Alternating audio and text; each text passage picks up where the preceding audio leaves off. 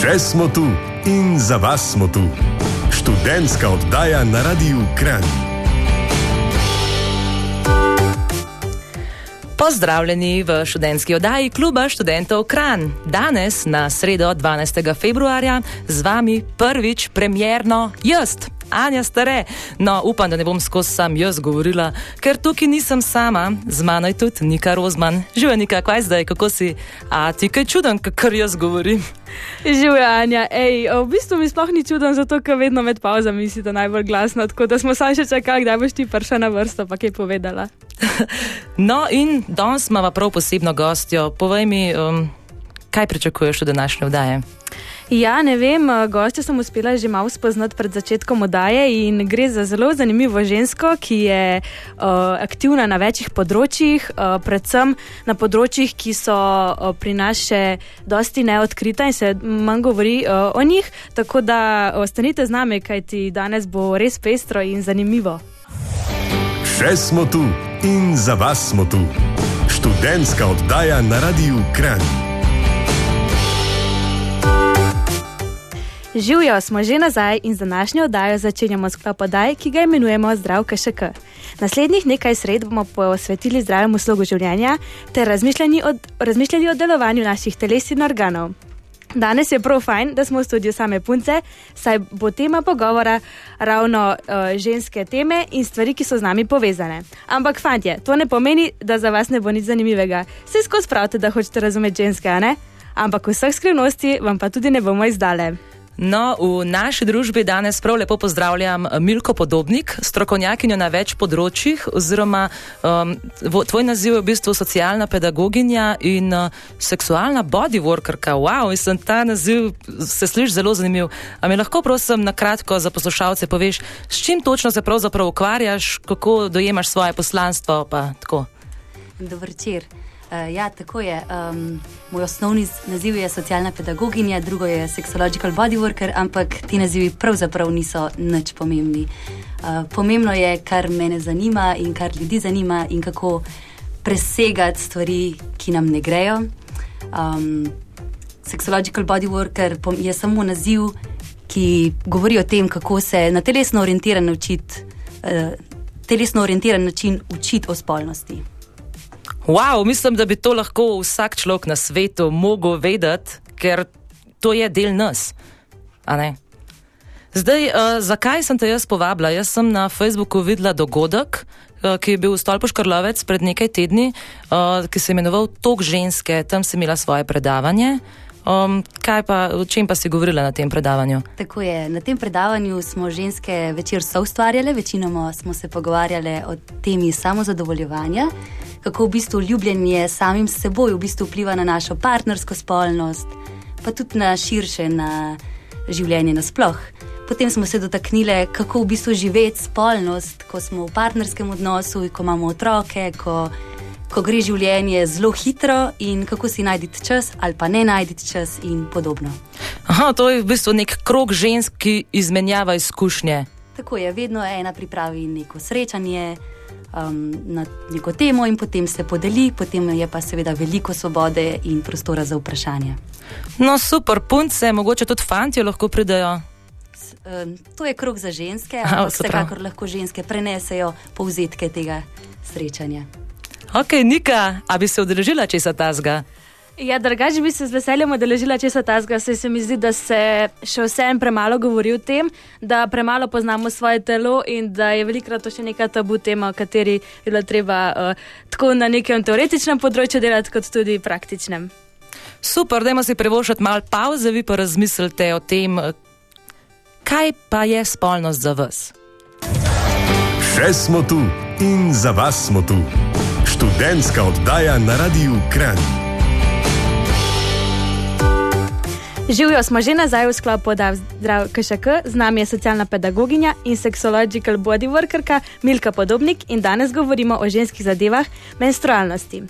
Uh, Iz področja, na katerem delujete, ste tudi diplomirali, pisali ste namreč o menstrualnosti skozi individualno izkušnjo. Vaša diplomska naloga pa zajema reprezentacijo lete, neko dojemanje predmenstrualnega sindroma, razumevanje menstrualnosti iz moške perspektive. Kako da ste se odločili za to temo in uh, ali se vam menstrualnost še vedno zdi tabu? Meni osebno se menstrualnost ne zdi več tabu, zato ker sem tako globoko kopala po njej. Odločila sem se za pisanje, predvsem iz frustracije, zaradi tega, ker vedno, ko smo prišli na to temo, se je začelo govoriti v nekih drugačnih besedah, kot pa beseda menstruacija. Potem osebno sem imela občutek, da znam premalo o sebi, ker se to zgodi vsak mesec. Ne? In nekaj, kar se ti dogaja vsak mesec, nekaj dni, je fino poznati, da lažje s tem živimo. Um, potem tudi odkrivanje, kako lahko presegamo krče, kaj narediti s predmenstrualnim sindromom in podobne stvari, so me tako zanimale, da sem rekla, lahko to združim z diplomskim delom. Okay, če zdaj nasplošno vprašamo, kaj točno pa je sploh menstruacija? Menstruacija je nekaj, kar lahko vklopimo v menstrualni cikl, to je obdobje, ko krvavimo potem pa vsaka ženska, oziroma vsak moški, vsaka oseba na tem planetu doda temu še veliko nalepk, trpljenje, užitek, sprostitev, hormoni.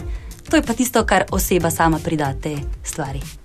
Okay, zdaj, predvsej, ko slišimo besedo menstruacija, predvsej ljudi, predvsem, predvsem moških, sporoča, da ta predmenstrualni sindrom, ko smo ženske najbolj razjarjene, da to pa ni, ni všeč, ko smo zoprne, pa neki. Kako pa ti gledaš na to? Jaz gledam na to, da dejansko smo zoprne v tem času, veliko krat postanemo še bolj tečne, ampak vidim tudi razlog, zakaj je temu tako veliko krat tekom cikla sebe ne slišimo, ne poslušamo. Potem pa pride ta čas, ti dnevi pred menstruacijo, ko nas hormoni podkrepijo in mi še bolj vidimo, kaj vse nas moti na tem svetu ali pa v nas samih, partnerju, in potem to, potem to pride ven iz nas. Ampak pride ven na en tak zmajovski pošasten način lahko. Imamo pa mi možnost, da to zaznamo do časa, potem pa na asertiven način povemo, na način, da nas tudi druga oseba razume in da, ne, da ni napadena in gremo v konflikt na mesto v reševanje. Ok, zanimivo. Kako pa bi v bistvu ženske mogle same do sebe se obnašati takrat, ko pač imajo, ko so v obdobju menstruacije, tako da bi mogle mečkam bolj skrbeti zase, več dati na se, mal se poglobiti vase. Je to res? Jaz bi se s tem strinjala. Stvar je tudi v tem, da vsaka ženska naj to odkrije za sebe. Ne odkrija ji zelo paše, da spi, da več počiva, da je pri miru. Ali ni nekega recepta za vsako žensko? Poj? Nekateri dajo recepte, jaz osebno se s tem ne strinjam, saj ima vsaka svoje lastno telo, nekatere imajo še bolj senzitivno in potrebujejo dva dni spanca, od totalen odklop v tišini, nekatere nimajo časa in lahko zmorejo samo eno uro počitka, kar je za njih tudi dovolj včasih. Torej, ženske, če trenutno doživljate cikl. Evo, tudi jaz se izogibam rabi te besede, grozna sem. Torej, ženske, če ste slučajno v fazi menstruacije, dajte si vzeti malo časa zase, um, spočite si, dajte, ne vem, naredite si polno kopel z mehurčki, preklopite si glasbo, um, pa uživajte. Zdaj le gremo na malo glasbe, potem se pa vrnemo, bomo malo povedali, kako rešujemo zadeve s krči in podobne stvari. Stanite z nami. Še smo tu in za vas smo tu. Študentska oddaja na Radiu Kran. O, vroče je danes v studiu Radia Kran, tri ženske smo v studiu in govorimo o ženskih stvarih, o procesih, ki se nam dogajajo. Z nami je Milka Podobnik, strokovnjakinja o, za seksologijo, za odnose, za, ma, za, za vse stvari, se kaj pa ti sploh ne veš, pismo. Tukaj,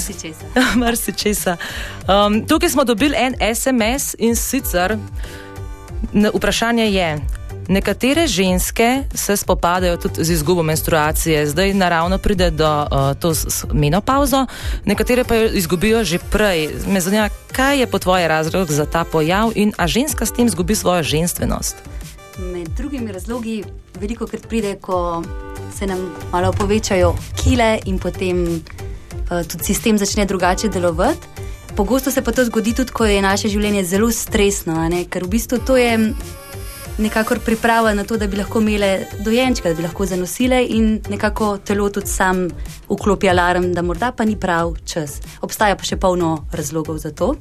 Glede ženskosti in izgube menstruacije se ne bi strinjala.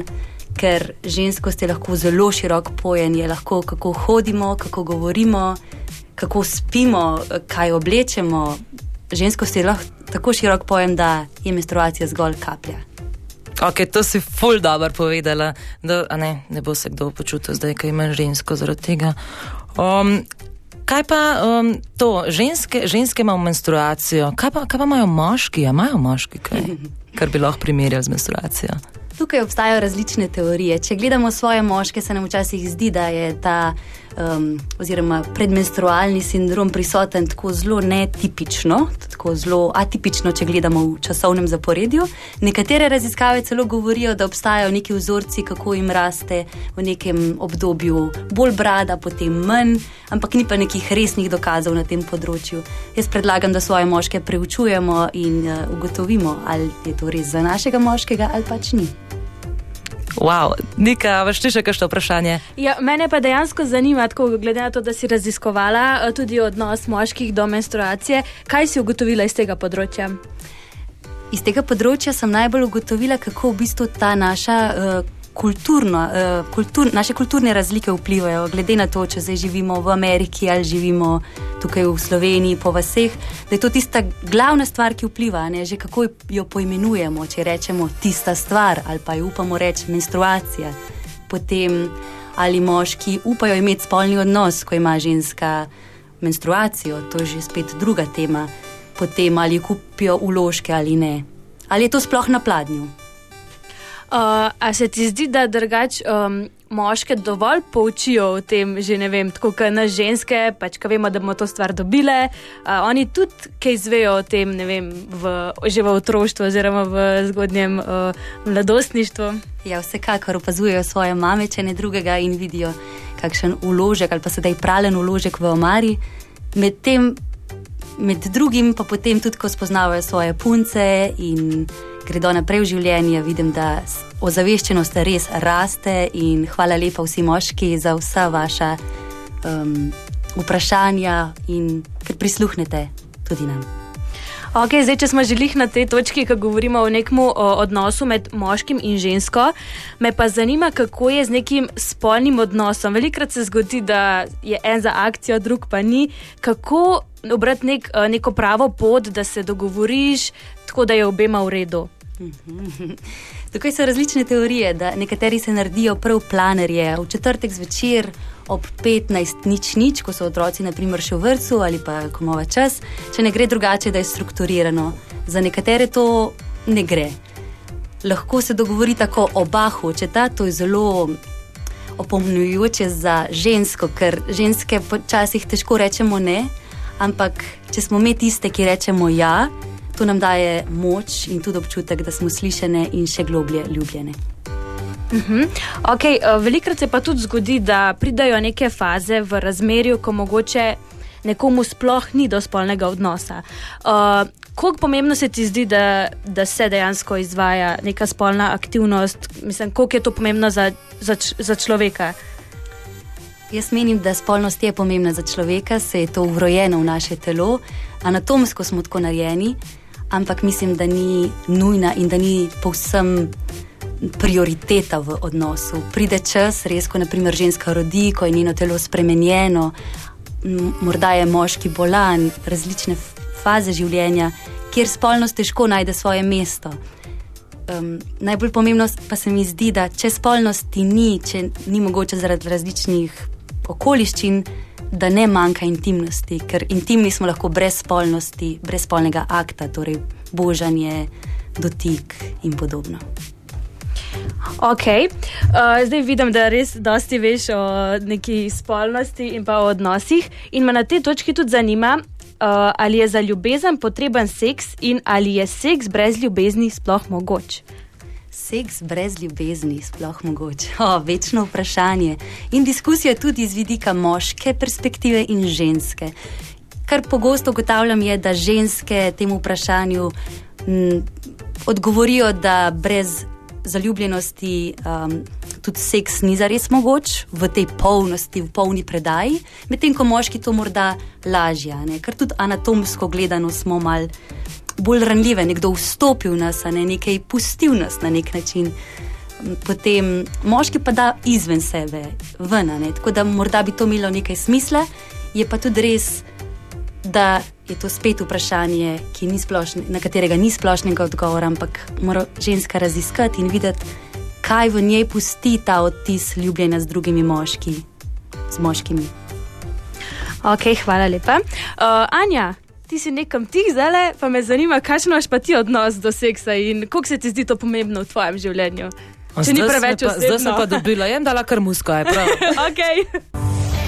Še smo tu in za vas smo tu. Študentska oddaja na Radiu Kran. Pozdravljeni nazaj. V pričakovanju Valentinovega se danes pogovarjamo o ljubezni, odnosih. O ženskah in moških nasploh. Z nami je strokovnjakinja iz področja razumevanja tovrstnih odnosov, to je Milka Podobnik. Zdaj, vreme je že prav pomladno in pomlad lahko asociramo s prebujanjem.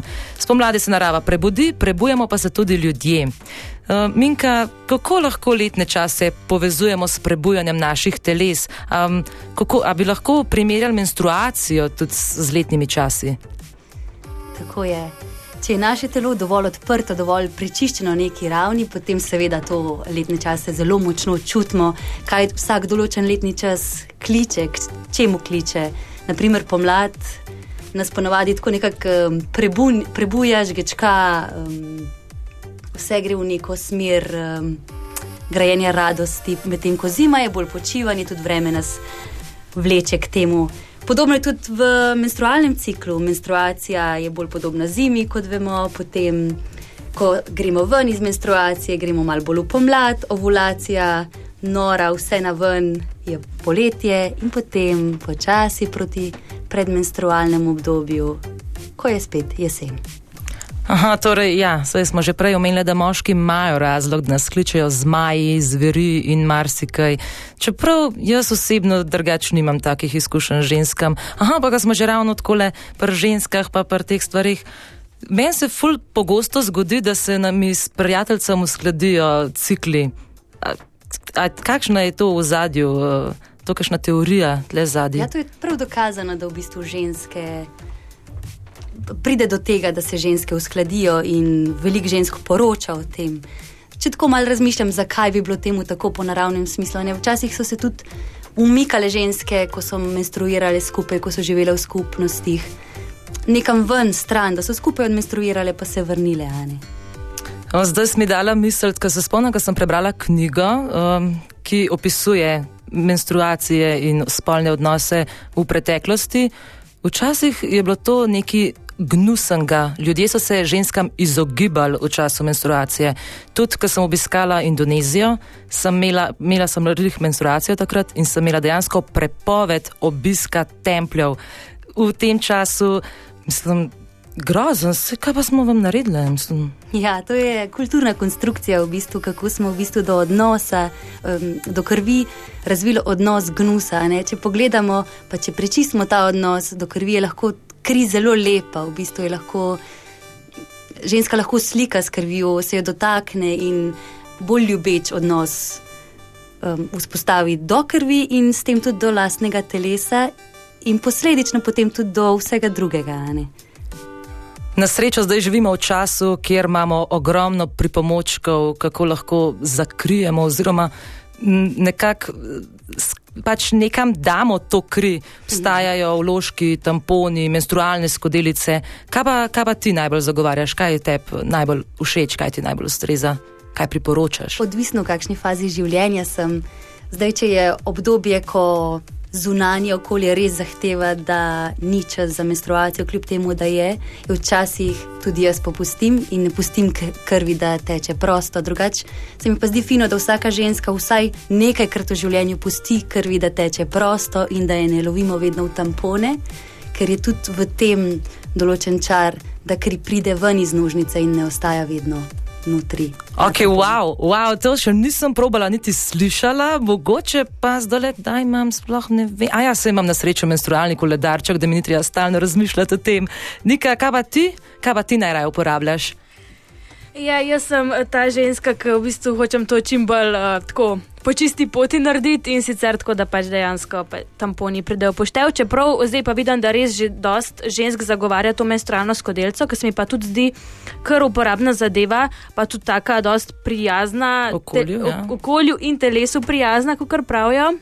Um, ampak mislim, da to bolj pride v poštev pri tistih ženskah, ki imajo mogoče res malo močnejšo. Mislim, tako, da imaš res težave s tem, je to po mojem še najboljša pot, da ne zapravljaš niti denarja, niti da ne onesnažuješ okolja in tudi samega sebe v končni fazi. Okay, a imate mogoče kakšno slabo izkušnjo z menstruacijo? Mislim, meni se je že parkrat zgodilo, da mi je čez ušlo, ali kako se temu rekel, mislim, to je pa najslabše. Ja, to je stvar, na katero je treba biti vedno pripravljen. Da imaš v službi ali pa na faksu vedno plan B, ali pa kolegica, ali pa morda tudi profesorica na faksu ima kakšno dodatno upravo za preobličiti. Kakšno pa je vajno mnenje o prestavljanju menstruacije, ker zdaj obstajajo neke tabletke, da če nočeš jih takrat imeti, pa si vzameš tiste tabletke. A to, kaj škoduje lahko v telesu, ali je to naravno? Različne so raziskave in mnenja o tem. Um, absolutno so se izboljšale tabletke in je manj hormonov, um, manj hormoni so zmedeni, ampak vseeno je to poseg, ki ni naraven, ki ni odvedno tukaj v telesu, tako da ostajam skeptična. Jaz lahko povem iz lastne izkušnje, ker sem v bistvu dve leti jemala kontracepcijo in ko sem prenehala, je potem tako vsaj dobro leto in pol nisem imela. Tako da mislim, da je nekaj na tem uh, in da.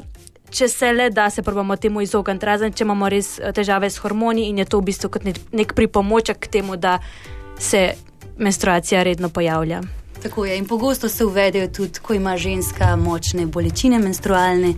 Tukaj velja preizkusiti še nekatere druge reči, da ne gremo vedno samo na hormonsko raven. Ok, ženske in moški, ampak predvsem ciljam na ženske. Upam, da smo vam v teh 40 minutah dali vedeti, da ste čudovite, takšne kot ste. Zdaj le vam dam mal pauze, potem pa se vrnemo. Še smo tu in za vas smo tu. Študentska oddaja na Radiu Kran. Živijo smo že nazaj v sklopu oddaj Zdravke Šek in danes je z nami strokovnjakinja Milka Podobnik. Uh, govorimo pa o ženskih in moških in pa v, o odnosih in menstrualnosti. Zdaj me pa zanima. Um, Nismo se še dotaknili teme in sicer kako je z mladostniki in pa s to mejo seksualnosti, ki se mi zdi, da se je kar dosti predstavlja že v neke nižje starosti. Kako je s tem? Tako je na splošno se tudi ta puberteta malce predstavlja, še na nižje. Je pa res, da smo tudi v stiku s pornografijo in z nasplošnimi seksualnimi sporočili iz plakatov. Že od, sameg, od samih plenic, ko spregledamo, tako da ni ni čudo. Sporočilo, ki ga dajemo, je absolutno v to smer. Dajmo čim prej. Uh, pa se ti zdi, da so mladostniki dovolj ozaveščeni o v bistvu neki zdravi spolnosti, o neki zaščiti in pa teh stvarih, um, ali se spuščajo čist brez glave v te zadeve? Kakor kdo, v katerem gnezdu zraste in kako je opremljen, ali pa kako. V kakšnem okolju živi, kakšne prijatelje ima, koliko so ozaveščeni. Je pa res, da tudi v šolah dobijo otroci predvsem teme, kot so kontracepcija, spolno prenosljive bolezni, ni pa vedenja o tem, kako se spustiti v odnos, kako postaviti mejo, kakšne okoliščine upoštevati, da bo meni dobro, ko bom prvič se spustil v to. Ok, prej si omenila uh, pornografijo, zdaj pa v bistvu. Ne bomo si zatiskali oči, vsi kdaj pa kdaj pogledamo kakšen pornofilm. Uh, pa me zanima, kako je zdaj s tem. Um, sigurno so in prednosti in slabosti, in pa tudi kakšne pasti. Um, na kaj bi opozorila na te točke? Pornografija je lahko v službi nekega izobraževanja, nam daje ideje, lahko poveča kreativnost, to bi bilo na strani plusov, ki jih dobi. Je pa minus, da pornografijo gledamo kje ponavadi, punce. Doma, Kako sedimo, stojimo, kaj delamo. Ležimo. Ležimo ali sedimo. tako je. Stvar je v tem, da je problem v naši medenici, zaradi tega, ker mi jo nekako zaštopamo, ko gledamo pornografijo. Ne? Mi smo na miru ne? in telo je v spolnosti navajeno se premikati, ne pa biti čisto pri miru. In tukaj, če gledamo pornografijo dan na dan, dan na dan, se ustvarja vzorec v telesu. Ki ga potem nekako zabetoniramo, in potem imamo morda lahko potencijalno težavo v partnerskem spolnem odnosu, kjer se ne znamo več premakniti na način, ki nam ustreza. Ok, bomo probali, kva, nika. Ja, A ti ne roden? Ma- Meni men mečkan je zalerat, ali priznam, priznam, nisem navajena, pa še v etru smo, mislim, to se bo navadi tako pogovarjati. Ja, ne, nisem drugače nikoli pomislila, da bi to dejansko. da Tako da se premikaš, ali pa da dejansko stojiš izvaju. No, tako, ampak eh, ja, sliši se pa zanimivo in se čist, si znam predstavljati, da um, je veliko boljši. Je smisel v tem, kar si povedala, ja, eh, definitivno testiram. Morda zgolj testirati, ni se treba držati kot pijanc plota tega. Uh, cool. uh, gremo zdaj še na malo glasbe, ki jo je izbrala, tole je izbrala Nika Rozman. Gremo. Še smo tu in za vas smo tu. Študentska oddaja na Radiu Kran. Hej, smo že nazaj. Evo, danes smo se pogovarjali o ženskah, o ženskih procesih, o odnosih med moškim in žensko, o spolnosti, o ma ogromno enih tem. Gostili smo Milko Podobnik, strokovnjakinjo uh, na tem področju. Um, pa mi povej, Milka, um, ti si imela predavanje v Kranju, a boš imela še kdaj kaj? Zaenkrat si rekla, da trenutno ne, ampak verjetno te lahko še kdaj, kje pričakujemo, da boš prišla kaj predavati. Kje te lahko najdemo, če ima kdo še kakšno vprašanje, pa ni upal zdaj nas vprašati. Seveda, meni je zelo všeč decentralizacija to vrstnih tematik, da ni vse v Ljubljani, ampak da gremo ven širše po celi Sloveniji. Lahko me povabite, če imate kakšno željo ali pa vprašanje preko Facebook strani Milka Podobnik ali pa na strani Anar telesno orientirano učenje. In z veseljem odgovorim. Evo, takole slišali ste, ne se bat, če imate kakšno vprašanje, kar vprašajte. Milka vse ve, kar koli smo jo vprašali, ona je vse vedela, no to je noro. To je noro, čim več takih gostov. Jaz bi se ti rada zahvalila, ker si prišla. V bistvu si mi pomagala prebiti let, eh, k svojo energijo slele napolnila studio, da me sploh ni strah govoriti pred mikrofonom, tako da ful ti hvala, res. Hvala vama za povabilo in hvala vama za drznost, da lahko govorimo o tem v tem prostoru in da ljudje slišijo. Sej še kar vroče, Ana. Zdaj le skočimo na še en hiter komat, potem pa klasičen študentski napovednik. Nejd stran. Poslušate študentsko oddajo na Radiu Kran. Sedaj pa svinčnik ali tablico v roke. Saj si tole, kar boste slišali zdaj, velja zapisati vse koledarje in opomnike tega sveta. Evo, smo že nazaj v oddaji Zdravka ŠK. Danes smo govorili o ženskah, menstrualnosti in pa v odnosu o tem. Um, zdaj pa sledi še klasičen študentski napovednik.